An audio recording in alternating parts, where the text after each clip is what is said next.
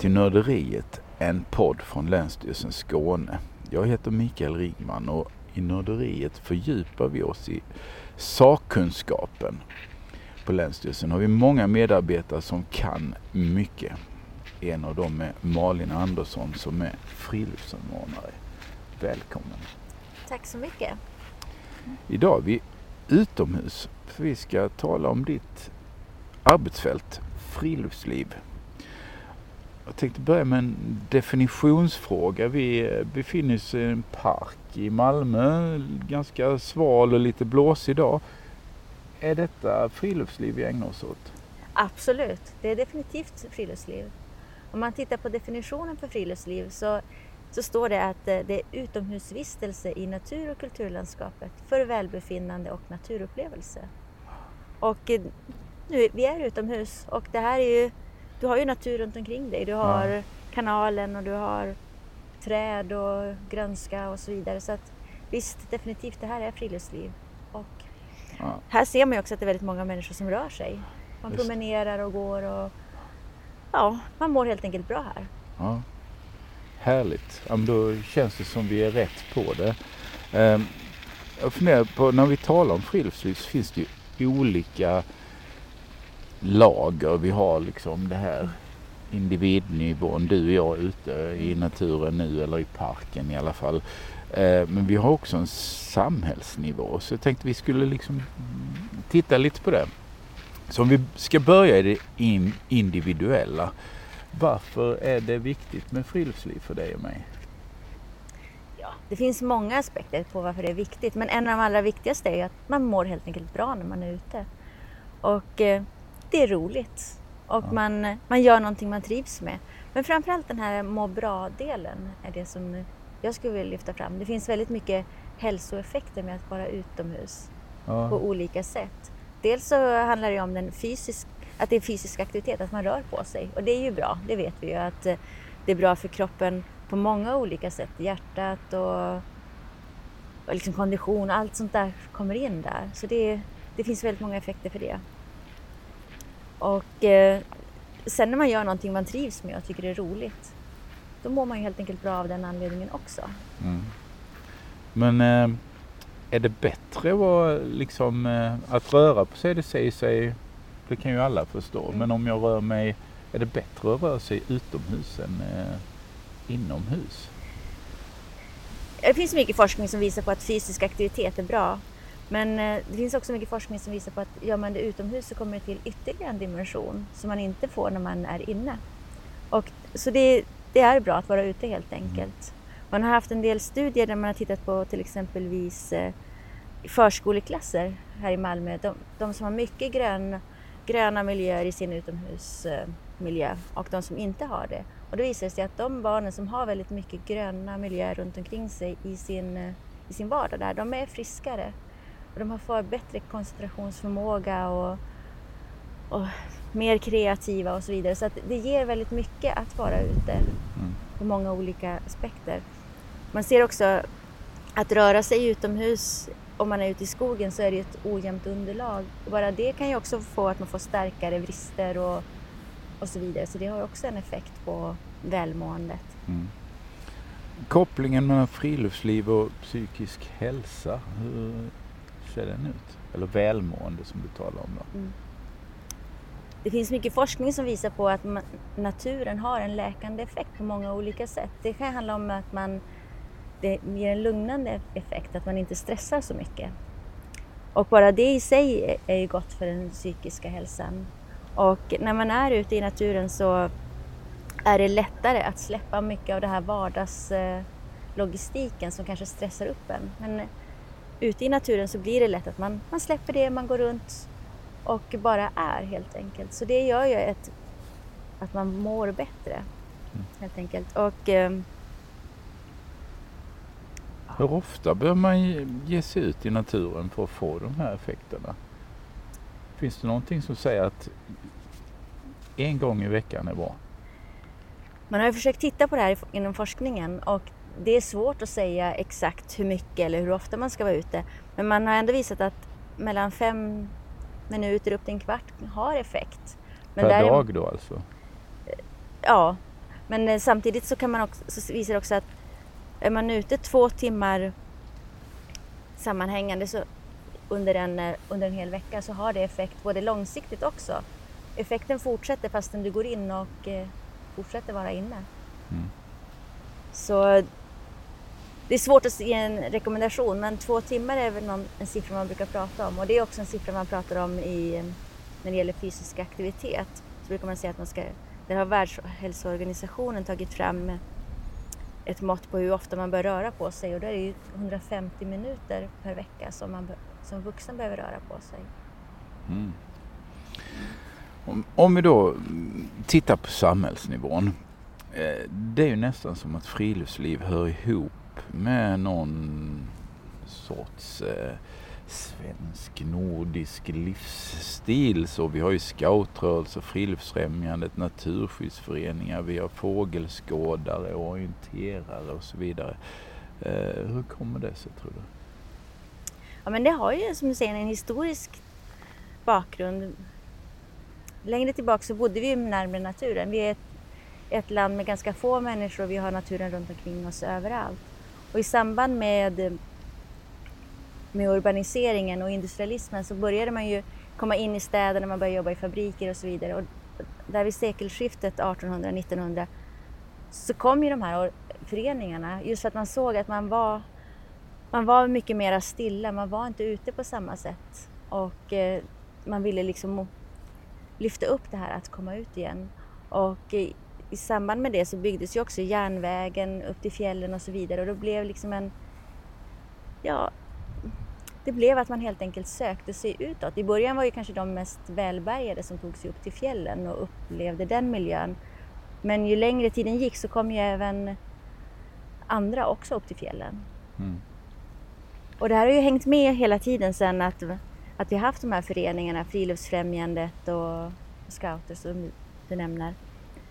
Och eh, de har funnits med hela tiden men under en period så minskade medlemsantalet men nu ser vi en uppgång igen. Att eh, det är folk, mycket mer folk som söker sig till de här föreningarna och eh, det finns ett stort intresse för det. Mm. Mm. Hur, men finns det mer sånt här i Sverige än i andra länder? Eller lika mycket i alla länder? Det är svårt att säga men vi är ju väldigt friluftsintresserade och eh, tittar man på våra grannländer, de nordiska grannländerna, så Norge till exempelvis, så är vi nog ganska lika på något vis. Vi kanske har lite olika miljöer vi rör oss i till vardags men, men de är också väldigt mycket ute. Sen tänker jag andra länder som inte har naturen lika nära sig och inte kan röra sig lika lätt i naturen för att man inte har en allemansrätt. Där är det ju svårare att ta sig ut utan då kanske man hamnar mer i de här tillrättalagda nationalparkerna där man, det är där man får vara. Till exempelvis USA och de, den typen av länder där man inte har så mycket miljöer att röra sig i till vardags.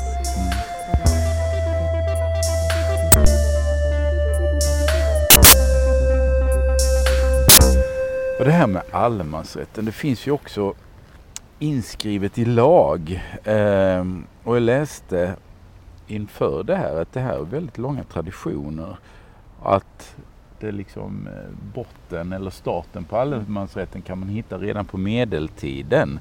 Då när det var glest mellan matställena och då hade, eh, fick man liksom reglera att resenärer hade fick liksom hitta mat på vägen och då kunde man få i Småland till exempel eh, plocka ena handsken full med nötter för att liksom dämpa hungern då. Men inte mer än handske. Och eh, sen eh, kom ju begreppet allemansrätten redan på 40-talet i någon fritidsutredning eh, och så. Men eh, om vi talar om allemansrätten, hur ser det ut för den idag? Eh, det, här, det, finns ju liksom någonstans in, alltså hela idén med allemansrätten är att man ska reglera motsättningen som kan finnas mellan markägare och allmänhet. Allemansrätten är ju en förutsättning för att vi ska kunna ha ett friluftsliv så att folk ska kunna ta sig ut i naturen och röra på sig eller göra det man tycker om. Och utan allemansrätten skulle vi liksom inte kunna göra det. Men samtidigt när man är ute i naturen så är det ju väldigt viktigt att visa respekt för den som äger marken på något sätt och brukar den på olika sätt. Det kan ju vara skogsbruk eller jordbruk eller någonting sånt. Och det måste man ha med sig att man Samtidigt som det är en rättighet att gå där så är det också en skyldighet att visa hänsyn till den som äger marken. Mm. Men det handlar också väldigt mycket om att visa en hänsyn till naturen och till de djur och arter som finns där helt enkelt. Att eh, ja, helt enkelt inte störa. Inte störa, inte förstöra är en av grundprinciperna inom allemansrätten. Och har man med sig det så kommer man väldigt långt. Mm. Vilka, om vi ska gå in på det här, vilka skyldigheter har jag som individ när jag befinner mig i naturen? Allemansrätten ger en möjlighet att vara ute i naturen på ett respektfullt sätt. Men sen har man ju väldigt många skyldigheter som då regleras i annan lagstiftning, till exempelvis nedskräpning. Man får inte skräpa ner. Och den, det måste man ju ha med sig. Har man tagit med sig skräp ut eller man har tagit med sig mat och så vidare för att man ska fika, då ska man, man ta med sig skräpet hem. Och när man är ute i naturen så behöver man också visa respekt för djur, för djurlivet som finns där. Till exempelvis eh, under den perioden när de har ungar så ska man ju inte släppa hunden så att den stör djuren.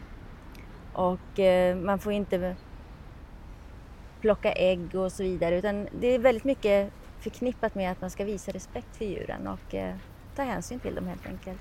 Mm. Och när det gäller eh, rättigheten då, alltså om vi tar den här ytan mellan eh, min rätt och markägarens rätt. Hur, eh, hur ser det ut med den? Om, om någon, eh, jag har hört om konflikter där markägare spärrar av eh,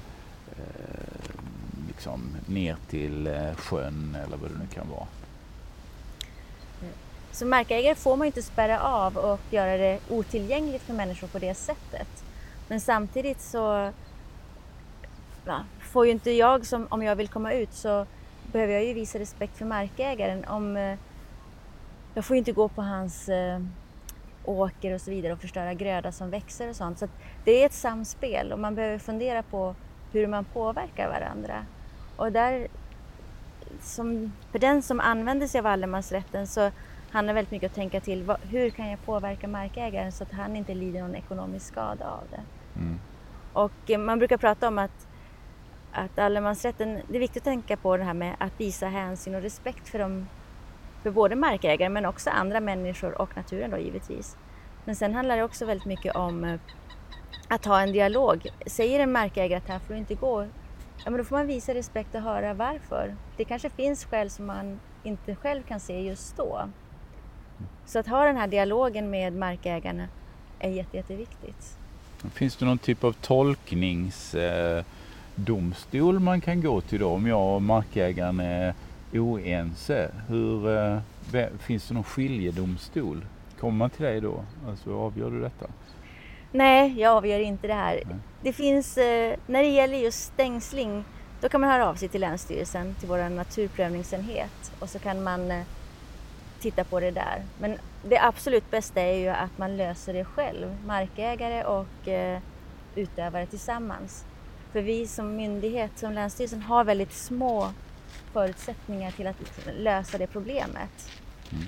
Och rent generellt så finns det väldigt få, få domstolsfall knutet till allemansrätten just för att det är det är så många andra lagstiftningar som kopplar in och då är det snarare där det hanteras. Det kan handla, handla om lagen om hund och katt, att man ska ha hunden kopplad och det kan handla om eh, nedskräpning och så vidare. Sedan 94 finns ju allemansrätten inskriven i vår grundlag. Det är ju en mm. ganska häftig grej. Mm. Uh, och då står det att alla ska ha tillgång till naturen enligt allemansrätten. Vad har det betytt att stå inskrivet i grundlagen?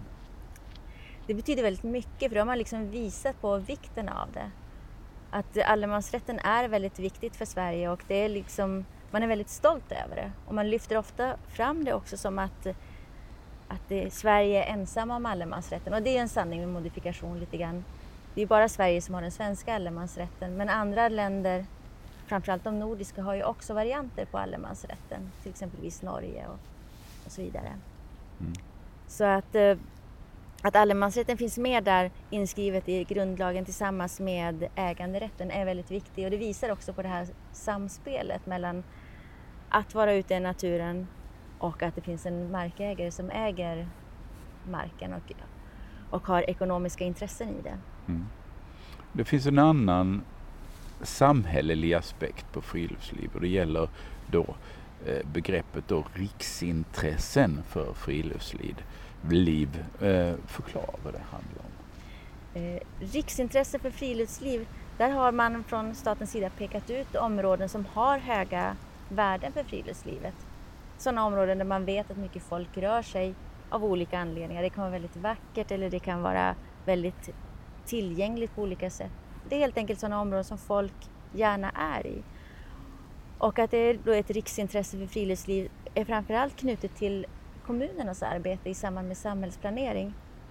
Att när de gör sina översiktsplaneringar så, så behöver de ta med det i sina, i sina avvägningar. Att här är det mycket folk och då behöver man se till att, att un, fortsätta underlätta för folk att vara i de områdena.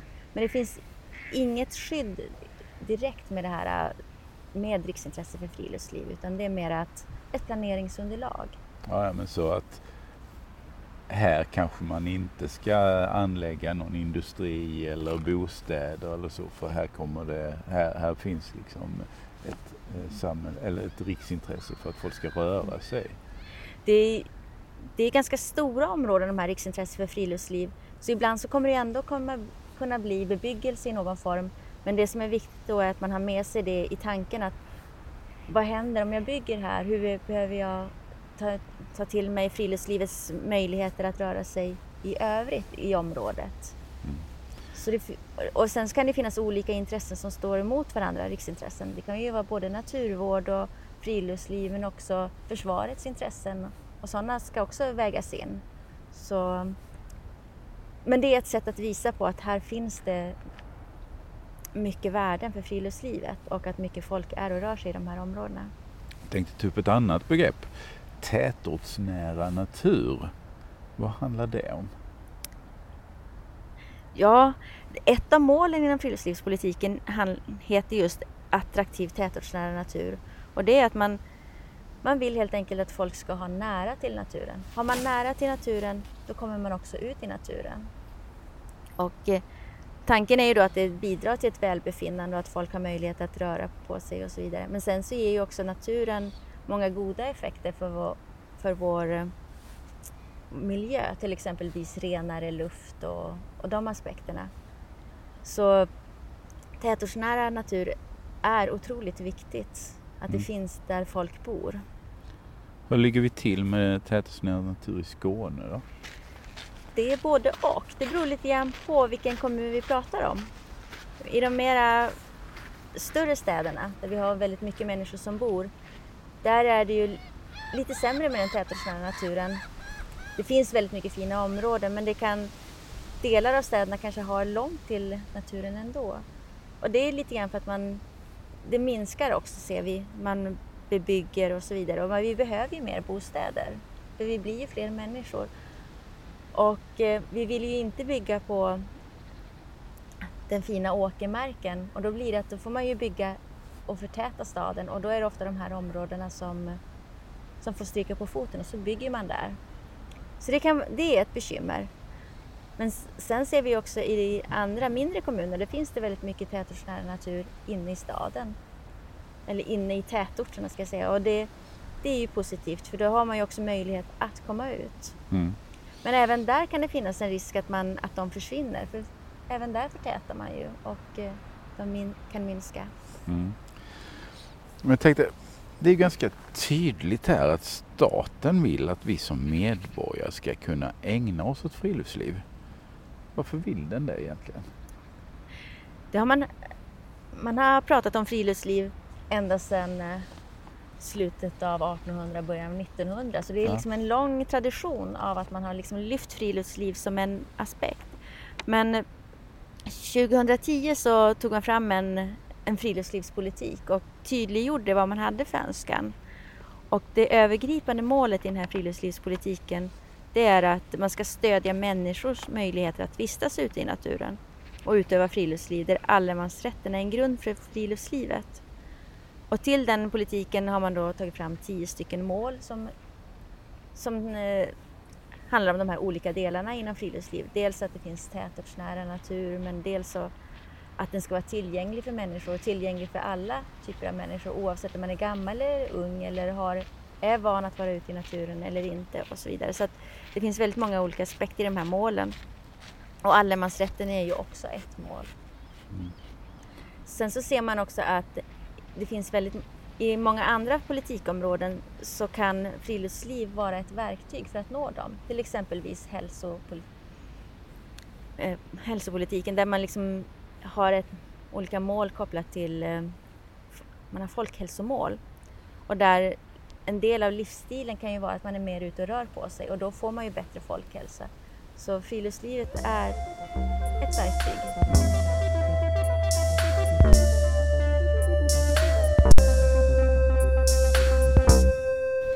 Ta tar tillgänglighetsfrågan, så hur, eh, hur är det med den?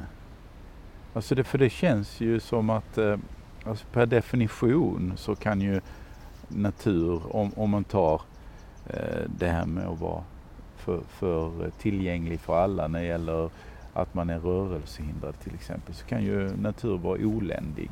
Mm. Ja, det, kan ju, det är ju svårt att, att göra all natur tillgänglig för alla, alla människor oavsett vad man, om man har olika funktionsvariationer och så vidare. Men eh, totalt sett i Skåne så har vi ganska många möjliga miljöer där man kan röra sig om man har rullator eller rullstol. Mm. Till exempelvis i våra nationalparker så har vi gjort några tillrättalagda slingor för det och även många kommuner har jobbat med det här och lyfter fram sådana typer av områden. Och även i det här området som vi är idag så är det ju många som har, har möjlighet att röra sig. Mm. Och, eh, så tillgänglighet är ett ganska brett perspektiv. Sen pratar, pratar man ju också om tillgänglighet till närheten, att man liksom kan hitta ut och att man vet om att områdena finns. Barn i sig, har, att ska de komma ut själva, eller barn och ungdomar, så behöver de ha områdena väldigt nära sig och då är ju det här tätortsnära väldigt viktigt. Mm. Det finns ju en annan eh, aspekt av detta, alltså alla typer av människor. Mm. Alltså är det alla typer av människor? Om man, om man åker ut till något av de här eh, eh, friluftsområdena så tycker jag att man, man träffar på en viss typ av människor framför allt. Alltså det är inte hela samhället som man ser samlat i, eh, ja, i en nationalpark till exempel. Nej, så är det absolut och det är väl det är någonting vi behöver jobba mer med och det är ett av målen också att tillgängliggöra naturen för alla. Och eh, man kan ju inte tvinga folk att komma ut men vi jobbar väldigt mycket med att visa på möjligheterna för folk att vara ute och vilka olika aspekter som gör det intressant att vara ute. Hur gör man det? Eh, dels så, så kan det ju vara med som vi gör på Länsstyrelsen, att lyfta fram de eh, naturreservat som finns och vad man kan göra i dem. Helt enkelt göra dem intressanta oavsett vad man har för intressen. Men en del av tillgängligheten för människor det är ju att folk kanske inte ens vet om att det finns natur att vara i. Det är ganska vanligt att man, när man pratar med folk och så berättar man om du, men en kilometer härifrån finns det här och så, så blir de alldeles förvånade. De hade ingen aning om att det finns så vackra miljöer och så spännande och att det finns allt det här man kan göra bara runt hörnet mer eller mindre. Så mycket av Länsstyrelsens arbete är att lyfta fram områden som man kan utforska själv. Mm. Dels kan det ju vara så pass enkelt att man vet om att området finns men också att det då finns stigar i området som gör att det är lätt att hitta tillbaks i början. Är man inte van att vara ute så kanske man är rädd att man ska gå vilse. Men följer man då en stig så, så kommer man tillbaks till början helt enkelt. Jag tänker på en del av de här, alltså när man tillgängliggör natur. Alltså det finns ju också en inbyggd konflikt i det. Alltså vi har de allra, allra vackraste platserna i Skåne och de vill vi ju tillgängliggöra. Om vi tar en sån plats som Kullaberg till exempel. Fantastisk, fantastisk plats. Och så finns, ska den då, är det ju, då gör man den tillgänglig för många. Mm. Och då påverkar det naturvärden? Alltså hur, eh, hur löser man detta? I ganska många fall så är, det ganska, så är det möjligt att tillgängliggöra den på det sättet att vi både kan ha den biologiska mångfalden och naturvärdena och att människor rör sig i området. Det handlar väldigt mycket om hur man lägger stigar och så vidare. Man behöver ju inte lägga stigen så att den passerar precis ett Örnebo örnbo och så vidare. Så det handlar väldigt mycket om att skapa en bra infrastruktur som tål att folk kommer ut. Men visst kan det i enskilda fall bli en konflikt. Men eh, där handlar det väldigt mycket om en planeringsfråga skulle jag säga. Och även att lyfta upp att det finns andra områden att vara i. Alla behöver inte åka till samma ställe alltid. Och det har vi sett väldigt tydligt under året med pandemin att, att där vi har jobbat med att lyfta upp fler områden. För vackra områden i Skåne finns det gott om. Mm. Så då gör det också möjligt att sprida, sprida på sig.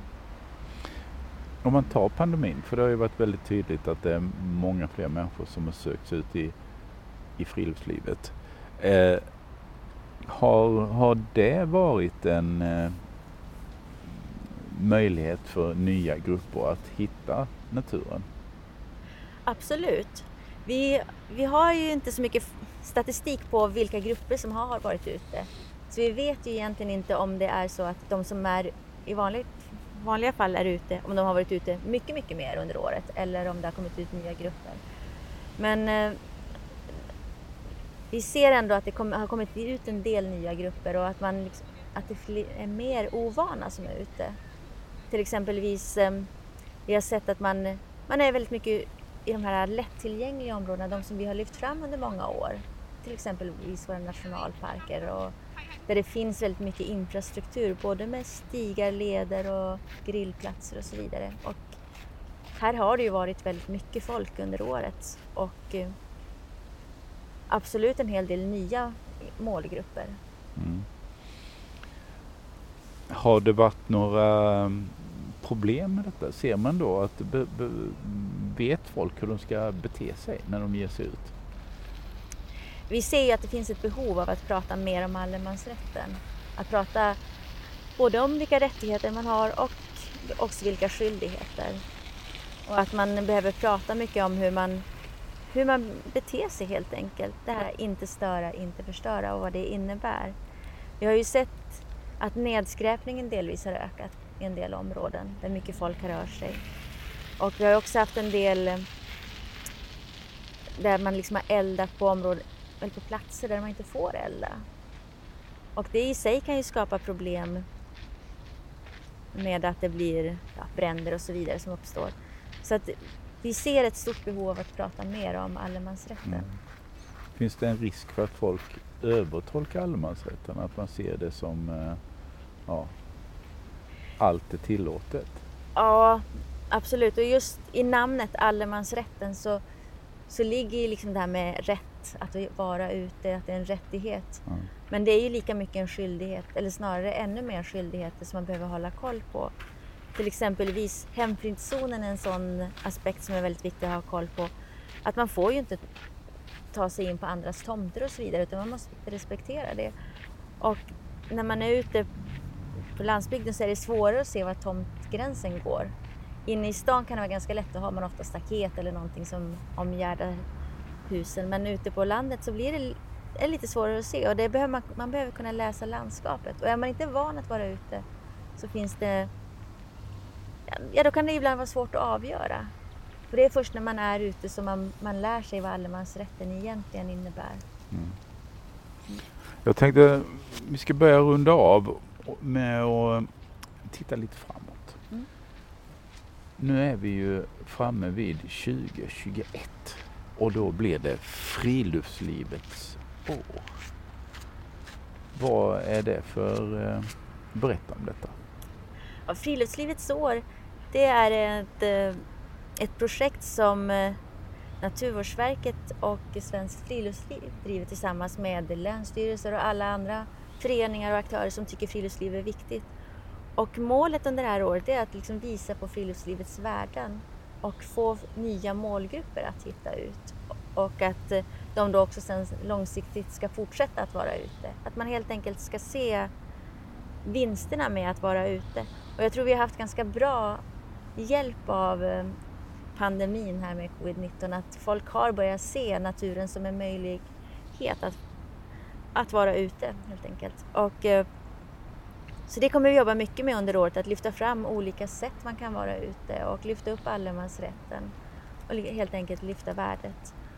Och de målgrupper som är i fokus i första hand, det är de ovana, de som inte brukar vara ute så mycket. Och där man kommer använda sig av de som är vana att helt enkelt bjuda in att, för de ovana att komma ut. Man kommer fokusera lite extra på barn skol, och skolan då framför allt. Man har tänkt sig att jobba lite extra då med årskurserna 4 till 6 för det är oftast då man, man börjar vara mer och mer inne i skolan. Men man skulle kunna ha väldigt mycket mera undervisning utomhus. Man har till exempel friluftsdagar och så vidare. Så det, det, finns en potential här ser vi. Sen pratar man också om att man skulle vilja nå till de nyanlända och berätta om allemansrätten och allt det vackra som finns och alla möjligheter man har. Och beslutsfattare. De är jätte, jätteviktiga. Att ha kvar den tätortsnära naturen, det ligger väldigt mycket hos beslutsfattarna att man ser till att, att bevara den för framtiden. Mm, det låter som det är ganska höga ambitioner här. Kommer, kommer vi alla att höra talas om detta? Det hoppas jag. Det tror jag nog. För vi, vi är väldigt många olika aktörer som jobbar med det här och kommer jobba med det på väldigt må många olika sätt. Både via sociala mm. medier och eh, ja, helt enkelt bjuda in på olika aktiviteter. Så att, det tror jag absolut man kommer göra. Mm. Och vi har Kom, ett helt år på oss. Kommer det hända särskilda saker också? Ja, vi kommer ju börja med en invigning i början av året. Och eh, där till exempelvis i Skåne kommer vår landshövding att att uppmana de skånska kommunerna att eh, göra aktiviteter under året. Till exempelvis följa med och cykla till olika grönområden i Skåne. Så det, det är väl en sån sak som vi kommer se. Sen kommer vi också jobba väldigt mycket med allemansrätten och, och det är väldigt många aktörer som vill jobba med det här så att jag tror att vi, vi kommer nog att engagera hela Skåne i det här. Det låter ju hur bra som helst tycker jag. Ehm, så ehm, tack Malin för du har berättat om eh, friluftsliv och inspirerat. Nu, för vi är väl, eh, nu är vi ju ute men eh, alla ni som sitter hemma, ni eh, ut och promenixa. Och särskilt nu då 2021, friluftslivets år. Det bästa friluftslivet, det är det som blir av helt enkelt. Man behöver inte göra så avancerat. Det räcker att gå ut. Kloka ord vi eh, låter det bli avslutningsordet. Tack så mycket Malin. Ehm, tack till er som har lyssnat. Vi återkommer här från Nörderiet inom kort med något annat intressant. Hej hej!